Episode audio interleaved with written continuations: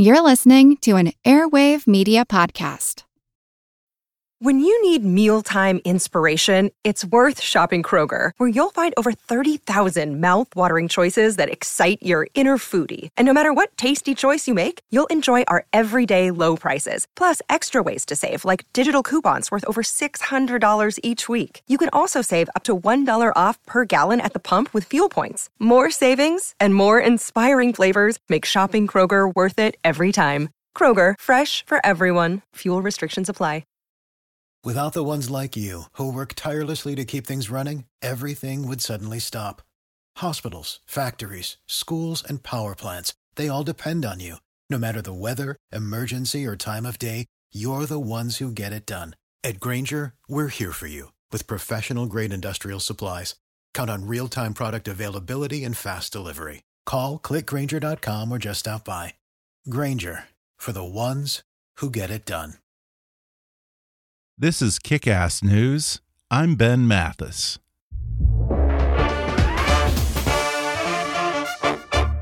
Hey folks, it's Ben Mathis here with just a quick favor to ask. We love having great advertisers support the show, but in order to continue doing that, we need your help. So please go to podsurvey.com/kick and take a quick anonymous survey that'll help us get to know you a little better. That way, we can show advertisers just how enthusiastic our audience is about kick ass news and keep the show free for listeners like you. Even if you've taken our podcast listener survey before, the current one is new and different, and it's really important that we have lots of listener feedback, so I'd really appreciate it if you take a minute to fill out this new one. Plus, as a thank you, once you've completed the survey, you can enter to win a $100 Amazon gift card. Again, that's podsurvey.com slash kick. P O D S U R V E Y dot com slash kick. Thanks for your help and thanks for listening. Today's podcast is sponsored by Nadex. Do you want to try day trading the markets but worried about the risk? What if you could choose your maximum risk and reward up front? Well, you can with binary options on Nadex. Trade global stock indexes, commodities, forex, even economic numbers, all from one account and always with limited risk. See for yourself why over 100,000 members choose Nadex. Find out more at nadex.com. Trading on Nadex involves risk and may not be appropriate for all investors. And now, enjoy the podcast. Just this week, Michele Bachmann actually, actually predicted that I would bring about the biblical end of days. Now that's a legacy. That's big. I mean, Lincoln, Washington, they didn't do that. That was a clip of President Barack Obama's speech at the 2016 White House Correspondents' Dinner. The annual event, known inside the Beltway as Nerd Prom, where the Washington press gets to gently poke fun at the most powerful man in the world, and the president gets to give it right back to them. The man behind many of President Obama's clever barbs and self deprecating quips for that and other light-hearted occasions like the Al Smith dinner and that famous Between Two Ferns interview with Zach Galifianakis is the speechwriter known as the president's comic muse, David Litt. After having written for the satirical news site The Onion and campaigned for the 2008 Obama Biden campaign, David Litt entered the White House as a speechwriter to presidential advisor Valerie Jarrett, along the way, writing jokes for President Obama's speeches, humorous videos, and birthday greetings, among other tasks. That led to David Litt's promotion to special assistant to the president and senior presidential speechwriter, composing serious policy speeches for President Obama by day while continuing to moonlight as the head writer for the president's White House Correspondents' Dinners and inserting a little levity whenever he could get away with it. Now he writes about it in an entertaining memoir titled Thanks, Obama My Hopey, Changey White House Years. And today, David Litt joins me on the podcast to talk about his political coming of age, what it's really like working in the West Wing, and battling with his sometimes nemesis, the White House fact checker. David shares his most emotional moment from his White House years and the surprising thrill of Obama's second term when the president decided to swing for the fences instead of being a lame duck. Plus, the art of self censorship, self deprecation as a political tool, and some of the jokes that didn't make it into the president's correspondents' dinner speech. Coming up with Obama's funny man, David Litt, in just a moment.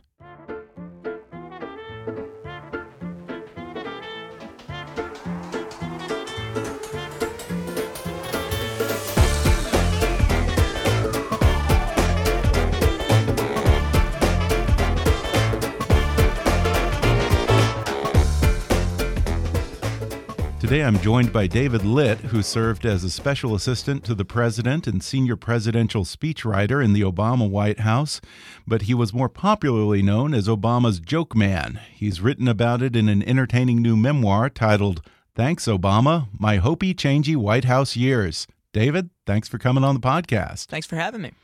Well, the title is a play on this cynical dig that Sarah Palin had made, uh, where she said, What was it? Uh, how's that hopey changey thing working for you? You talk about being a true believer in the 2008 election who believed in the hope and the change. I don't know if you ever abandoned that per se, but after eight years, I think your idea of hope and change perhaps evolved. In many ways, this book is less of a memoir than a political coming of age story. Talk a little about that. Yeah, what I say in the very introduction of the book is Sarah Palin had this kind of mocking question How's that whole hopey changey thing working out for you? But if you ignore the tone, it was actually a pretty good question because people like me, I was not super political. Then I saw Barack Obama speak. It completely changed my life. And I devoted the decade that my friends were traveling the world or like getting in really good shape. I was going around in a suit and tie, you know, with business cards in my pocket, even on the weekends. I became this kind of cliche Washington 20 something. And it was certainly for a great job. I mean, I got to write speeches for President Obama, but I wanted to look back and say, not just was it worth it, and, you know, spoiler alert, I do think it was, but also why was it worth it? Because the, as you said, my definition of hope and change, my relationship with President Obama, not just the personal relationship that didn't exist at the beginning of the book and by the end did, even if we weren't close, but the relationship with the idea of Barack Obama, that changed over time too. And the reasons that I'm proud of everything my colleagues and I did weren't necessarily the reasons I would have predicted in 2008. What did you do during the election? You were uh, registering voters, or what? Yeah, so I I was a senior in college in 2008, and I became one of those college kids who would not shut up about Barack Obama. and, you know, we were everywhere at the time. And I did want to write about that too, because that idea of a political figure and politics being so exciting and emotional seems harder to remember than ever these days. But mm-hmm. it wasn't that long ago where there was this kind of political awakening. And I graduated in May 2008. A couple weeks after that, I drove to Ohio and I started off as an unpaid or, uh, organizing fellow, so basically an indentured servant for the campaign. Then I graduated to underpaid field organizer, but officially on the campaign staff.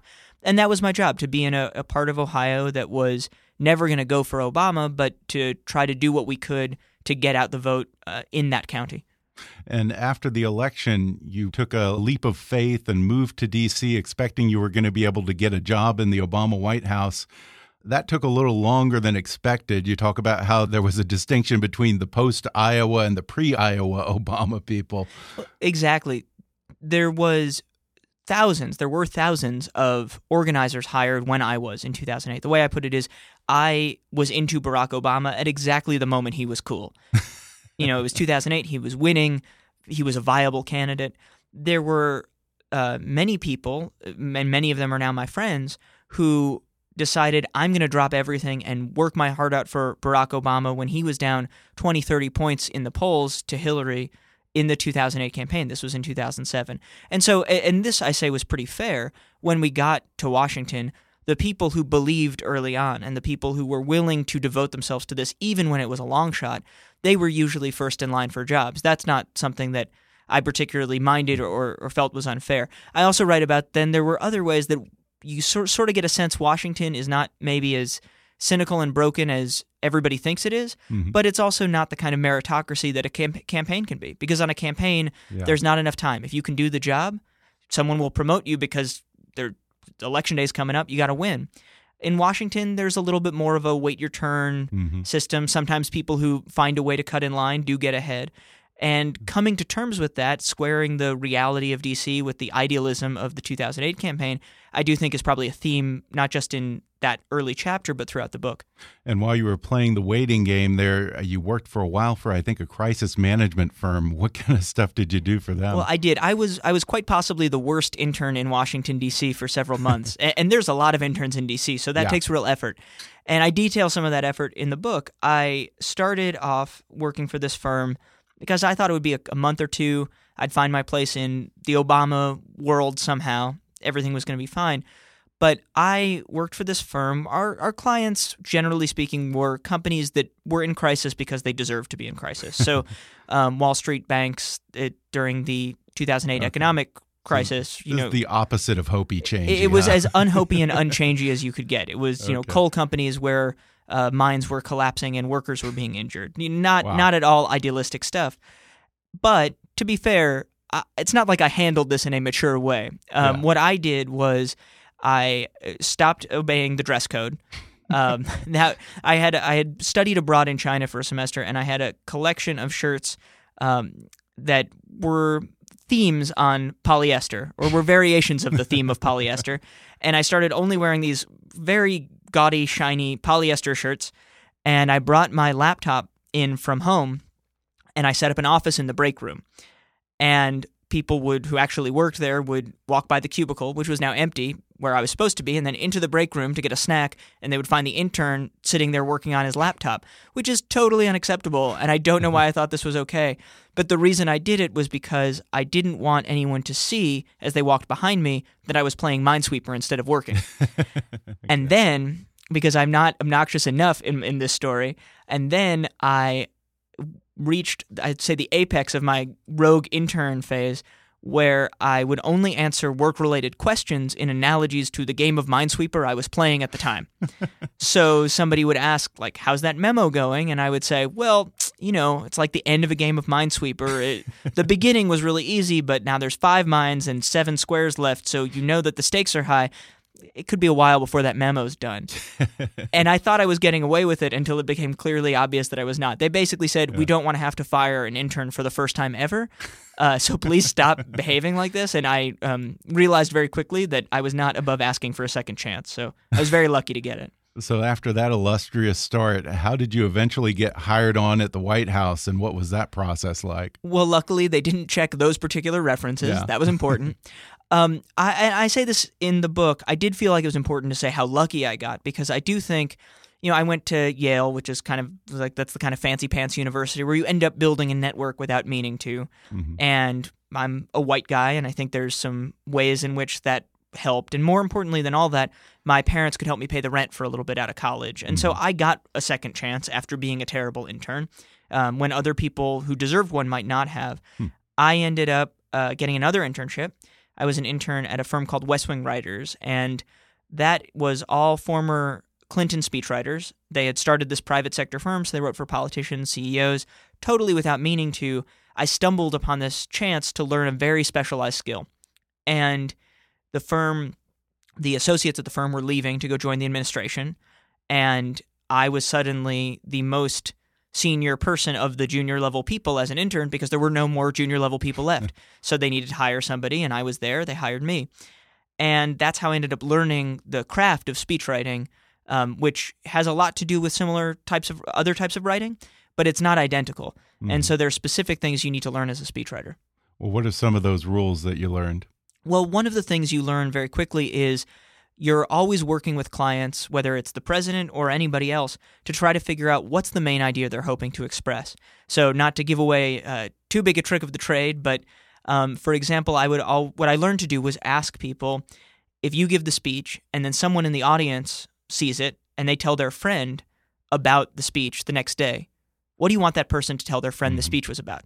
Because if I ask you, let's say I'm writing a speech for you, and I say, What do you want the speech to be about? You're going to tell me a five minute long list of things.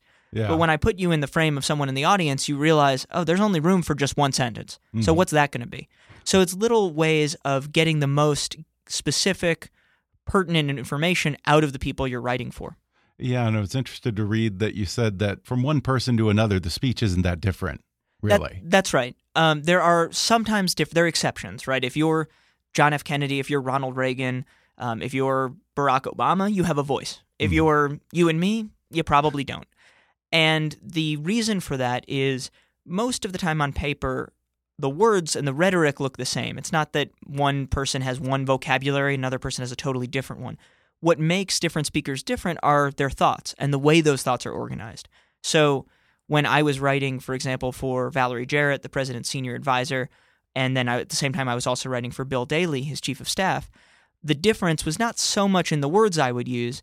The main difference was Valerie would want to talk about a specific set of things. She might have a story or a thing that she thought was most important when she wanted to to phrase uh, or frame an issue, and Bill might have a different set of priorities. And trying to figure out what those are and organize them so that they go rather than being a list with no coherence, they're more of a story. They start at a logical starting point and they end at a logical end point.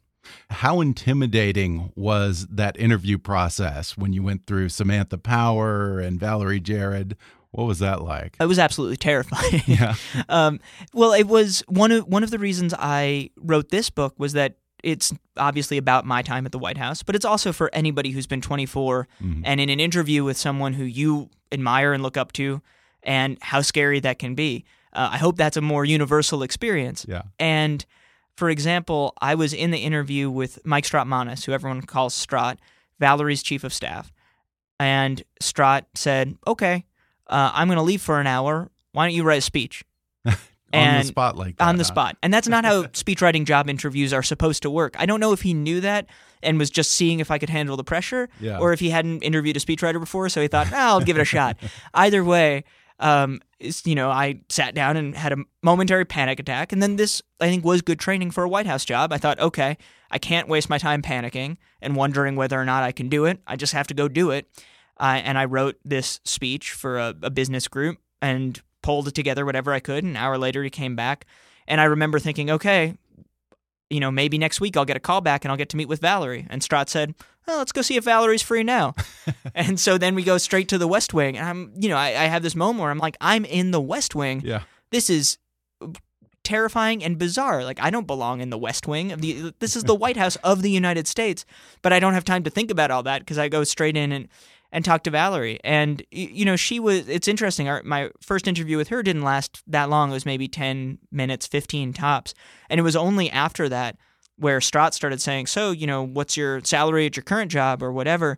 That I started to realize, oh, I get, I just got a White House job. This is pretty crazy. Yeah, you say that you're a fan of the West Wing. West Wing. Well, the similarity is clearly uh, all your listeners don't get to see this, but I look exactly like Rob Lowe. So uh, let's get that out of the way. Um, the real the differences are uh, number one, there's just more people there. So the West Wing on the show, there's like six or seven people with the president, which makes sense. It's a TV show. Mm-hmm. I was not Rob Lowe on the West Wing. I wasn't Toby. I wasn't Donna. I was like somebody who hands Rob Lowe a piece of paper and then scurries out of the frame because they don't want to pay that actor to if they would have to give him you know extra money if he had a line. That was me. So that was a big part of it. Just the number of people doing the work. And the other major difference, just physically, is the West Wing on the West Wing looks like this very cool, exciting, big office space. Like there's a bullpen, there's lots of people, everyone has enough space, but you know it's close enough that everyone can have these clever conversations. In the actual West Wing, there's no space. It is a cramped building. I talk about how on the the basement floor where most people come in, sometimes it smelled a little sewagey because the men's room was there, and this building has not been renovated in a while. Yeah. And so that's not um, a a feature of the West Wing on TV, but those things were absolutely a feature of the actual West Wing. Yeah, that's interesting. I don't think that a lot of people do realize just how small those quarters are because I think it was added during the Teddy Roosevelt administration or something. And there's really not anywhere you can expand physically on the property from there. That's exactly right. I worked in the executive office Mhm. building, which is across the street, this sort of pedestrian street. It's all in the same campus, so you have to go through security to get in. But that's what they did with as the White House staff expanded. They moved everyone into what used to be the Department of War, and it's this big five-story, massive building that looks. It doesn't look like a traditional office building, but it looks the size of a traditional office building.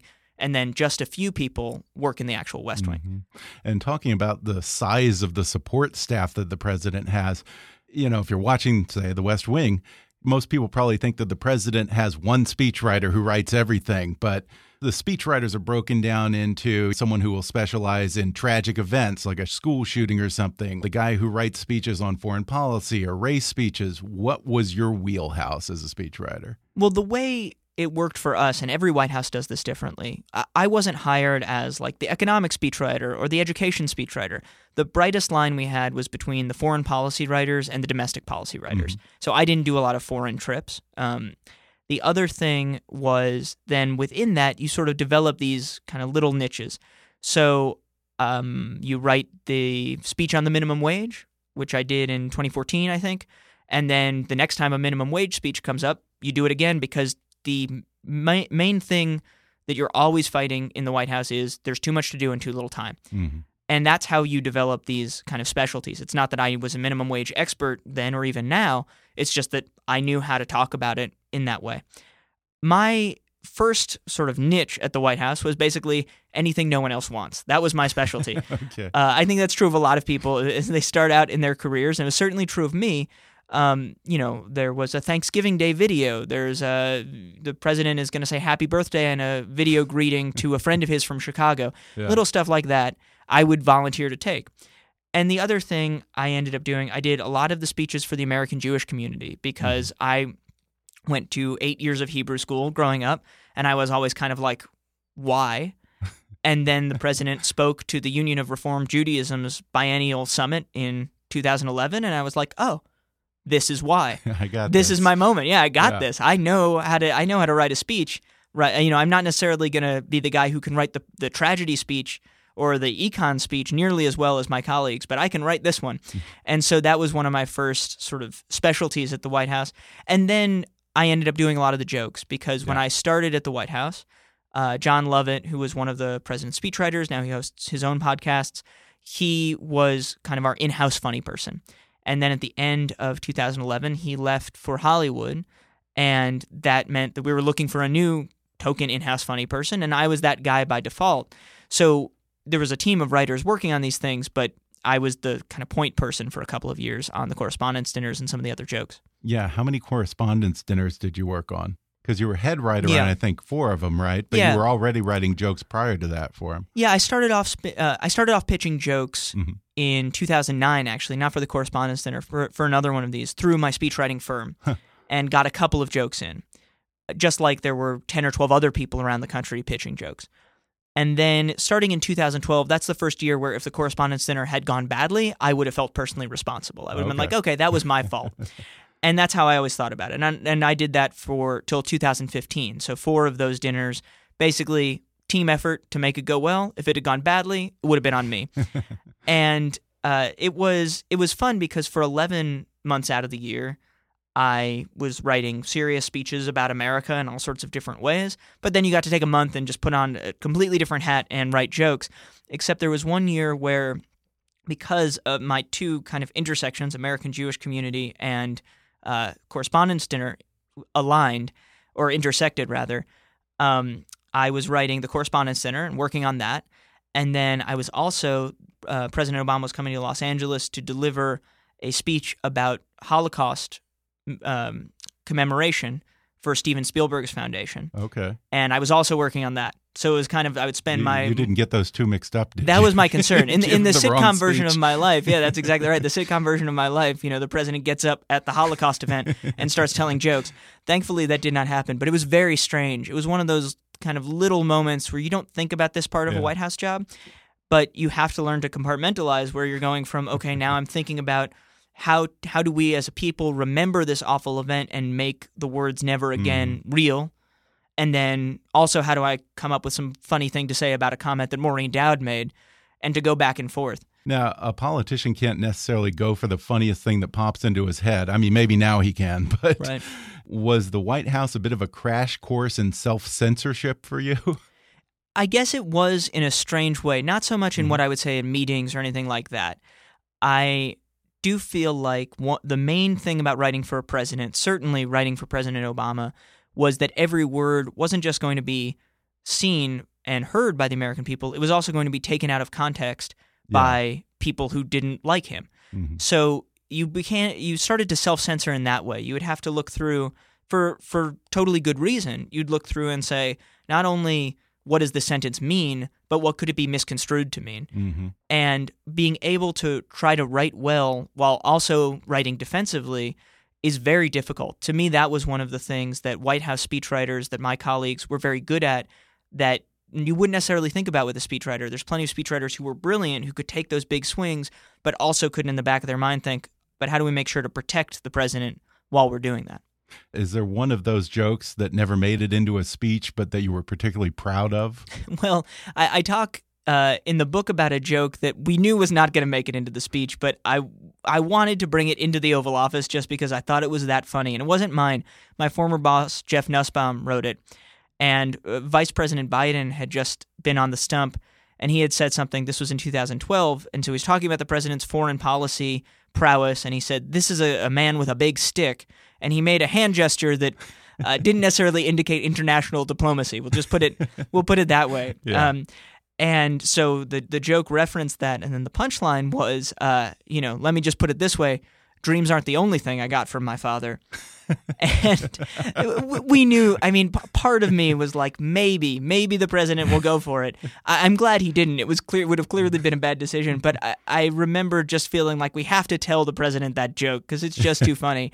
And he, he thought it was funny, and there was absolutely no chance it was going to ever end up in the speech. Uh, thank, thank goodness. We're going to take a quick break, and then I'll be back with more with David Litt when we come back in just a moment.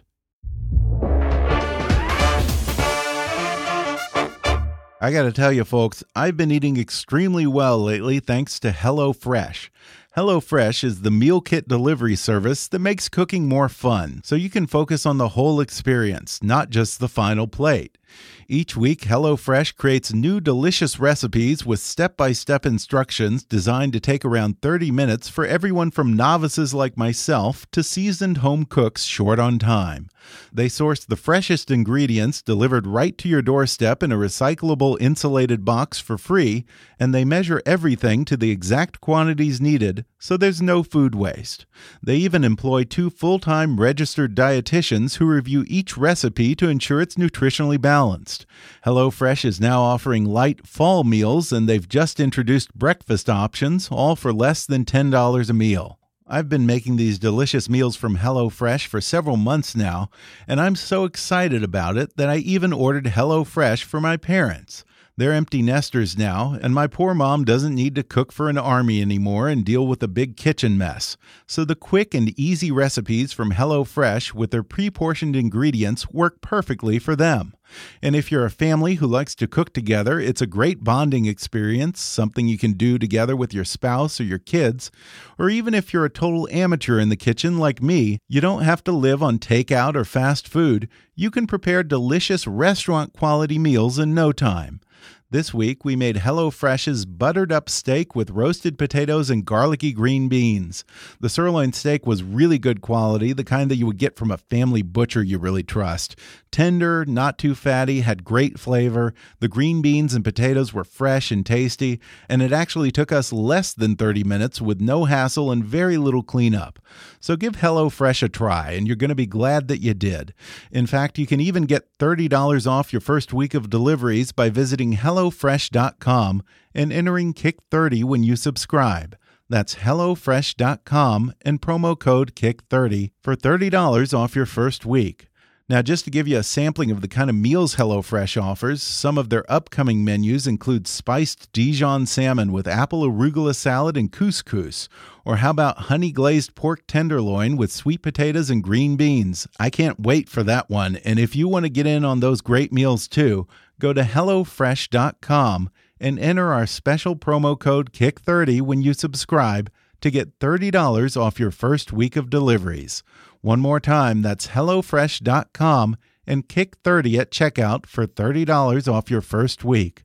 Delicious ingredients you'll love to eat, simple recipes you'll live to cook. HelloFresh, get cooking. And now, back to the podcast. Now, did the president have a pretty good natural sense of humor by your standards? Absolutely. I mean, Really? that was one of the things that is true, not just with comedy, but broader speech writing. It's really hard to fake it. If somebody sounds inspiring and they're a good speaker, they probably are pretty inspiring. If somebody sounds like they don't really know what they're talking about, they probably don't. And President Obama sounded funny because he's a funny person. And it, mo- mm-hmm. more than that, he has a sense of timing and a real sense of audience. Hmm. And that served him well in the serious speeches. I mean, the speech that I watched that made me kind of fall in love with him as a candidate, he had this ability to know exactly what the audience was feeling and build on it. And that same ability works really well in comedy where you hold a line for just long enough so that you're not letting all of the anticipation die down, but you're letting it build. And then, right at the most important moment, right at the moment when the tension is highest, you break it with a punchline. Mm-hmm. And that's really hard to do. It's certainly not something most politicians can do, but he was able to do that. Yeah, and I think that humor wise, he kind of became known for something that the current president would never do, which is creating these sort of self deprecating moments where he would say, you know, stuff like, oh, you know, I don't want to get in trouble with Michelle, or, you know, Michelle, she's the smart one. I, I remember I, it was like a sitcom dad or something. Oh, shucks, Vladimir, you know, I'll have to check with Michelle first. Well, it, Um, there is, I guess, a little sitcom dad to that. Although it, one of the things I always enjoyed was watching the first lady's reactions during some of these jokes because Oh, you could sometimes you just see her kind of shaking her head, like in a way I think many of us with a significant other know, where that where that person's like, man, I, I love this person, but boy, they're an idiot. and there was something very nice and human about the fact that Yeah. Mm-hmm. the president and his wife had that dynamic, just like so many people. but um, one of the one of the pieces with uh, thinking about some of the the self-deprecating side of it too some of it's about kind of acknowledging that human element but some of it is also about uh, recognizing that this is not just about kind of politi- political stuff right we get sucked into everything a president says is political and there's no way around that but it's a chance to just let people laugh about something neutral and to their credit Ronald Reagan was very good at this. George W. Bush was uh, was a very funny guy in person, and this is not a partisan or you know it's not Democratic presidents are good at joke telling, and in my opinion, Republican presidents aren't. I, I think for the most part, we've had presidents who get that being charming is a, a useful tool to mm-hmm. deploy in the job. Yeah, I, th I think that you said in the book that he wasn't necessarily a fan of self deprecating humor, but he saw the political necessity of it and how if he could make fun of himself, he kind of had a license then to go after his political enemies a little bit Well, I- and poke them some. Exactly. I don't think when I when I said that in the book, what I mean is that I don't think that those were his favorite jokes he got to tell. Mm-hmm. I think that if I had to guess, certainly our favorite jokes to to write were the ones that tell a little truth about Washington in a way you can't normally in politics. That's kind of fun. It's a way to let out some of that frustration that you know we were feeling, and also a way to get around the the political back and forth.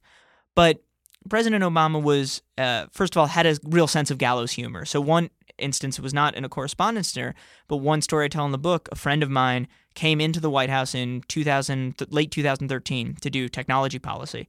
And this was right when healthcare.gov had just not gone very well. Yeah. And his boss introduced my friend to the president and said, uh, you know, Mr. President, this is our new uh, person on the Economic Council doing technology policy. And without missing a beat, President Obama says, You're not the guy who did my website, are you?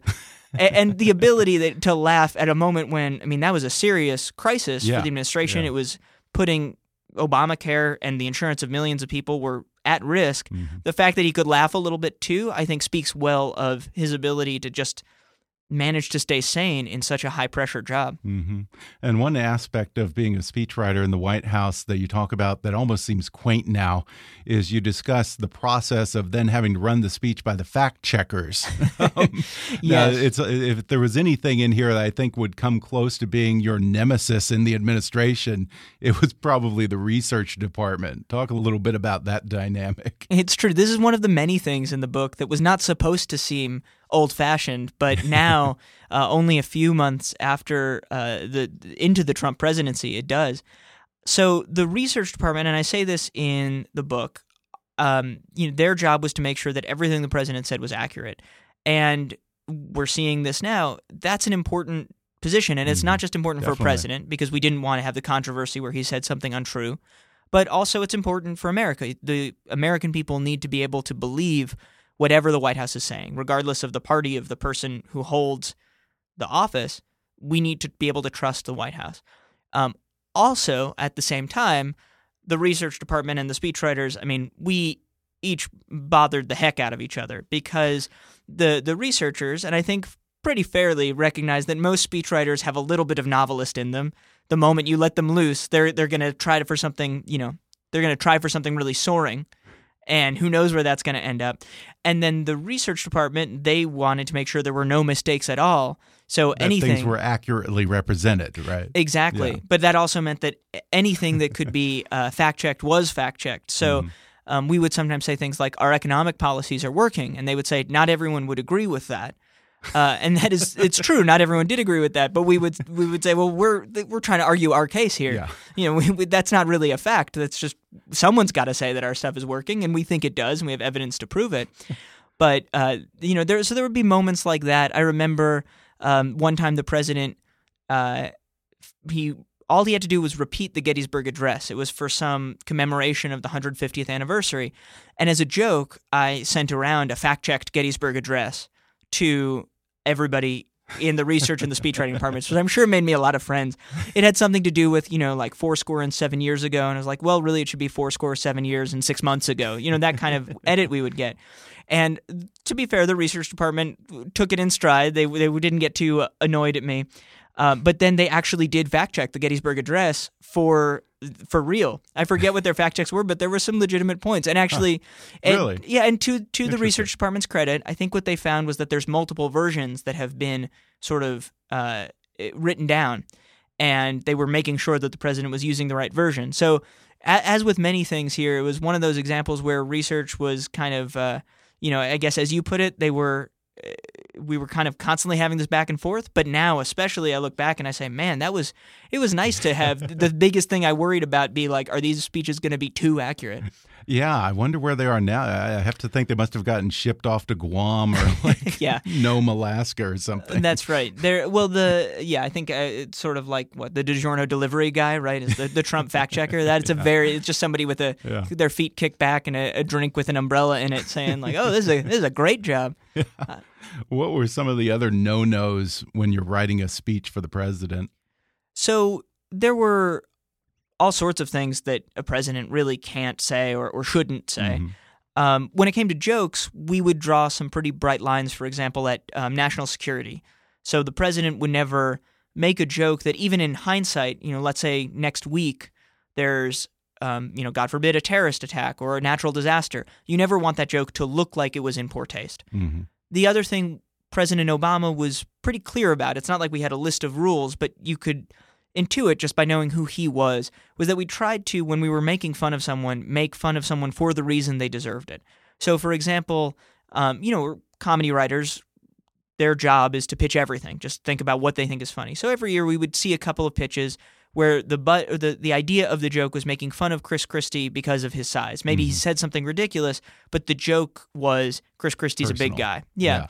And those never made it into the speech because we thought, you know, if we're going to make fun of Chris Christie, maybe maybe it's because we think he deserves it, but it's not because he's a big guy. It's because of something else. Mm-hmm. And even now, I mean, I I'm sure that I don't always adhere to it, but when I'm just in my personal life where the stakes are much much lower, trying to make fun of Trump, I, I try not, you know, the the sort of like making fun of him because he's orange, right? Is it, it is true that's a characteristic of his, but that to me is not. I try Yeah. to not do that.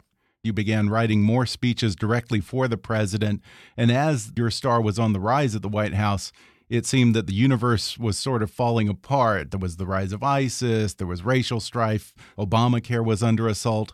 Did you feel a, a little bit like you were back at your old job in uh, constant crisis mode? I think the White House is always in constant crisis mode. E- e- when things were going well, there was always a reason that things were about to start going poorly. When there were crises happening around the world, it was our job to think about how to deal with them. So, one of the things that I got used to in the White House was these sort of cycles. I mean, the the press would call them Obama's Katrina moments, right? Where they would basically declare the Obama presidency over, and then we would do a bunch of work, and no one would really give us a lot of credit. The number of stories after the crisis had passed was usually uh, several orders of magnitude smaller than the stories in the midst of the crisis. But you gradually learn that skill of perseverance and resilience to say, you know, we don't know how things are going to turn out, but we'll keep our eye on the ball. The the other thing I will say too is that when I worked at the crisis communications firm, I felt like most of those firms deserved to be in crisis. yeah. And for us, I mean, these were yeah. legitimately important things happening around the world. We weren't necessarily perfect in dealing with any of them, but it was a it was a far cry from the coal company that doesn't follow worker safety laws. yeah, and during that second term, President Obama tried to, of course, pass bipartisan immigration reform. You were involved in that process. You wrote his signature immigration speech, I believe. And you were writing something that offered, I guess, more of an olive branch to Republicans and those who wanted maybe more of a mix of enforcement and opportunity in the immigration package. The president was on an entirely different page, tone wise. What was he going for? Well, I sat down and I wrote the speech. I wouldn't say just to offer an olive branch to Republicans, but what we called UFGs, which are up mm -hmm. for grabs Americans in, okay. in, in, a campaign that's basically undecided so voters. Undis yeah. Um, but in a in a policy standpoint, right? In a policy okay. standpoint, it's people who don't know exactly how they feel about this issue, and more importantly, how they feel about the issue is often uh, informed by how the issue is presented. Mm-hmm. So that's how I had kind of framed the speech: was how do we get as many up for grabs uh, Americans as possible on our side, and that's the way I think we had thought about things through the 2014 midterms. And what I wrote mm-hmm. about was this shift in tone in the last few years, where from the moment we started the meeting and the president hadn't read the draft, it was clear he wanted to talk about all those things. I mean, the final speech included a lot about border security. It included that we were going to require um, undocumented immigrants to pay back taxes, pay a fine, learn English. So it was all in there, but it was the way it was organized. It started with this moral case to say we're a nation of immigrants. Is it really right that we allow people who make our beds and pick our fruit? We let them work here, but then they have to live in constant fear that we're going to send them to another country. And that was a shift that I saw in the serious speeches and then also in some of the jokes. And it was a moment in the final two years of the administration where it did feel in some ways more like the 2008 campaign because we were leading with the, the values and leading with the moral case. And there was something really gratifying about that. And I'm glad that I was there for that part of the Obama presidency, as well as some of the more uh, as you pointed out, you know, some of the more um, administration struggling with healthcare.gov or you know the moment ISIS came came about. Uh, I was there for those moments, but I also got to be there during this time when I think we did recapture something essential about the 2008 mm-hmm. campaign and bring it into government.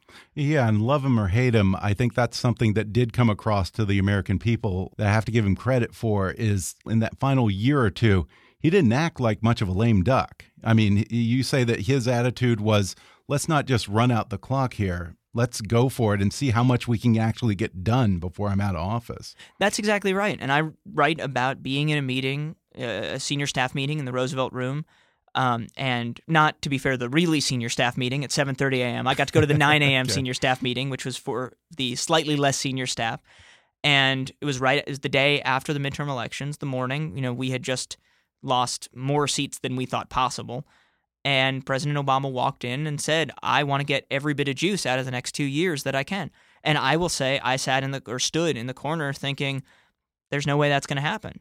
And it was one of many times where President Obama he kept his eye on the ball and and he was absolutely right. And the sort of uh, the doubts that I had in that moment, they were wrong. And it was inspiring and exciting to see him say, you know what? I understand that the political back and forth is supposed to mean that we lost big, so I'm going to scale back my ambition. But I believe in what I'm doing, and my staff believes in what we're doing, and we're going to do whatever we can. Mm-hmm. Um, and one of the things, in the same way that I was totally wrong when I thought that the final two years were going to be more of a lame duck situation than they turned out, I, I did want to write a White House book about all the times I got it wrong because I did feel like that was a, a entry into the genre that's a little different than most of the White House books. Peggy Noonan, who wrote a terrific White House memoir, said uh, once that most White House books could be subtitled "They should have listened to me," and, and, I will say they should not have listened to me. I mean, there were a few times where maybe I made a good choice, but for the yeah. most part,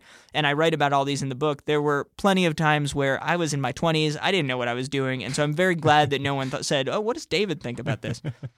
well, it does sound like toward the end, the president was a little more comfortable in his own skin, humor wise. I guess that sense of let's just go for it even permeated his sense of humor. Um, give us an example of a joke that maybe wouldn't have made the cut during the first term, but was fair game toward the end there. Well, the the joke that to me perfectly captured the last two years of the Obama presidency was one that a friend of mine uh, named Andrew Law, he's a comedy writer in Los Angeles, he sent it in. And the joke was uh, after the midterm elections, my advisors asked me, Do you have, Mr. President, do you have a bucket list? And I told them, Well, I have something that rhymes with bucket list. and then the president said, You know, take action on immigration, bucket. New climate change regulations, bucket. And I remember thinking, first of all, the odds of him using this joke Yeah. are pretty small because he wasn't swearing, but it was pretty clear what he was Yeah. saying. Yeah. Uh, and then second of all, there's no way that if he uses it, if he does one bucket, that's we're gonna, you know, we're gonna have like the radio rule, right? There is you get one, Yeah, you got to have. and that's it. yeah. And that was not at all. I mean, he saw it was like this is funny. Yeah, we're we're gonna do it. down. Yeah, and the only change he made, and I think it was one of those moments when the joke writing process reflected something uh, more uh, important. He made one change, which was to add after bucket about the climate change regulations. He said bucket. It's the right thing to do, and that was his addition. It's the right thing to do, and I think it was reflective of not just how he was telling a joke, but also of his own thinking about it, and and of the sort of broader collective attitude we had in the White House in that moment. What was the most emotional experience for you during your time there? Something that maybe did feel like the West Wing, where you really felt the weight of the moment in history. Yeah. Um, there were two. The night um, of the Bin Laden raid, which Mhm. I, you know, I was at a music festival that day and came back, and we were in the car on the way back, and I saw a draft of a final draft of the speech saying on the death of Osama bin Laden, and that was a remarkable moment for me because I grew up in New York City. I was in tenth grade when 9/11 happened. And a few days after 9 11, I could smell smoke in my bedroom as it kind of drifted over. And that moment when the person who was responsible for this wasn't so much that he was dead, but just that we had brought justice to this person. Uh, it, it was a more moving, more cathartic moment than I expected. Another moment that I felt would, would have been perfectly suited to the West Wing theme song was in 2015. Um, it was one of those days where you just can't believe this much history happens at the same time. So the day before, the Affordable Care Act had been upheld by the Supreme Court for the second time, and we had been worried that after all of this fighting, the law was going to be overturned, and not, by the way, by by Congress or by the American people, but just by a sort of we considered a flimsy constitutional argument. It wasn't. It was upheld. And then the next day, the marriage equality decision came down, and gay marriage was now legal in all 50 states. And then that day, President Obama went to Charleston and delivered that speech where he sang Amazing Grace Mhm. at that service. Yeah, and I watched after the- that that was after the Charleston after shooting. the right? Charleston Yeah. shooting. And I watched that speech from the live stream on my computer. I mean, I wasn't I wasn't on the trip or anything like that, but like Americans everywhere, I watched him say those words and and have that moment where he led this congregation in song. And that night, my fiance and I, at the time she was my girlfriend, we went down to the White House, and the whole place was lit up in the colors of the rainbow because of the marriage equality decision. And there were couples, straight couples, gay couples, everybody was there. It was just one of those moments where everyone in Washington feels like they need to be at the White House. Mhm. And you're looking up at this place where the president lives. And you're thinking about how different the country is because of the person who lives there and because of everybody who worked for him and worked so hard to put him there. And that was not most of my time at the White House. Most of it was much more Veep than West Wing. But those moments like that are the things that happen when you put in all the work during the frustrating times and you do all the little things right. Yeah, and you talk about how you felt lucky because you were able to leave the White House when you, you could still leave feeling that the country was going to be all right. You'd set it off on the right course, as opposed to those who had left after the election. Do you feel any disillusionment that you spent seven or eight years having to check your comedic instincts sometimes and often having to not go for the punchline in order to preserve the dignity of the office of the president? But now suddenly it turns out that none of that matters because the president can act like a schmuck and say whatever pops into his mind and he still gets elected. Well, I would say, obviously, I would have very much liked to write the epilogue of my book where uh, Hillary Clinton beat Donald Trump in the election and Republicans were coming to terms with what had happened and trying to figure out how to be a more responsible political party going forward. That epilogue did not happen. I, I had to rewrite a bunch. I don't think that we're living in an era where nothing matters. It gives me hope that the American people are not excited about this. I mean, when we were at 40% approval, that's the kind of existential crisis that we've been talking about. You know, when mm-hmm. you say, Did you feel like you were at a crisis communications firm because President Obama was at 40% approval? Um, George W. Bush, three months after Katrina, was at 40% approval. I believe this morning, Trump, who's been on a little bit of a rebound as we record this, is at like 39.5 or 38%. So, and, and the economy is doing pretty well, which is normally the main driver of approval one way or the other. So uh, the American people, I think, recognize that this is not what we want out of our president. And I hope that we can get through this period and find a way to reestablish the dignity of the office. And I should point out before we go that you haven't left DC since leaving the White House. You're actually head writer and producer for the DC arm of Funny or Die. What kind of stuff are you working on there? Well, as a representative of a comedy company in Washington, I kind of get to be in it but not of it, yeah. which is a nice change of pace. And what we do, so Funny or Die, they Will Ferrell's Will Ferrell's yeah, company website. They also produce Between Two Ferns with Zach mm-hmm. Galifianakis. Mm-hmm. And when I was at the White House, they were the ones who brought Zach and and the crew in to film with President Obama. Right. One of those moments I where I thought this was going to be a terrible idea. Uh, glad no one asked me for my opinion because it turned out to help save the Affordable Care Act. And after that happened, the Funny or Die team in Los Angeles said, wait a second, we could do this for other organizations. So we work with, let's say, we've worked with the League of Conservation Voters or the American Heart Association.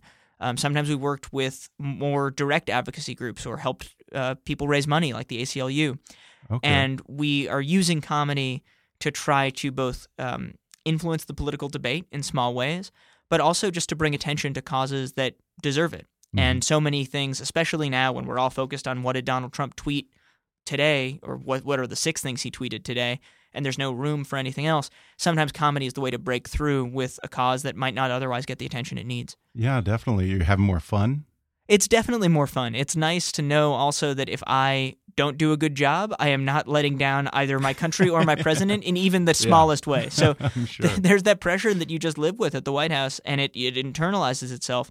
And I will say there's things I miss about the White House, but that constant feeling of responsibility like mm-hmm. that, uh, it, it's nice to have taken a little break from that. Well, it was a very fun read. Again, David Litt's book is called Thanks, Obama My Hopey Changey White House Years. David, thanks for joining me. Thank you so much. Today's episode was sponsored by Nadex. Want to try day trading markets but worried about the risk? What if you could choose your maximum risk and reward up front? Well, you can with binary options on Nadex. Trade global stock indexes, commodities, forex, even economic numbers, all from one account and always with limited risk. See why over 100,000 members choose Nadex. Find out more at nadex.com. Trading on Nadex involves risk and may not be appropriate for all investors. Thanks again to David Litt for joining me on the podcast. Order his new book, Thanks, Obama My Hopey Changey White House Years on Amazon, or download the audio version at audible.com. Follow David on Twitter at, at DavidLitt and check out some of his latest shenanigans at funnyorDie.com. Be sure to subscribe to Kickass News on iTunes and leave us a review while you're there. Don't forget to take our listener survey. It only takes five minutes at podsurvey.com/kick. You can visit Kickass News on Facebook and follow us on Twitter at, at KickassNewsPod. And be sure to recommend Kickass News to your friends on your social media. And if you really want to help out, then donate to our GoFundMe campaign at gofundme.com slash kickassnews or click on the donate button at kickassnews.com. As always, I welcome your comments, questions, and suggestions at comments at kickassnews.com. For now, though, I'm Ben Mathis, and thanks for listening to Kickass News.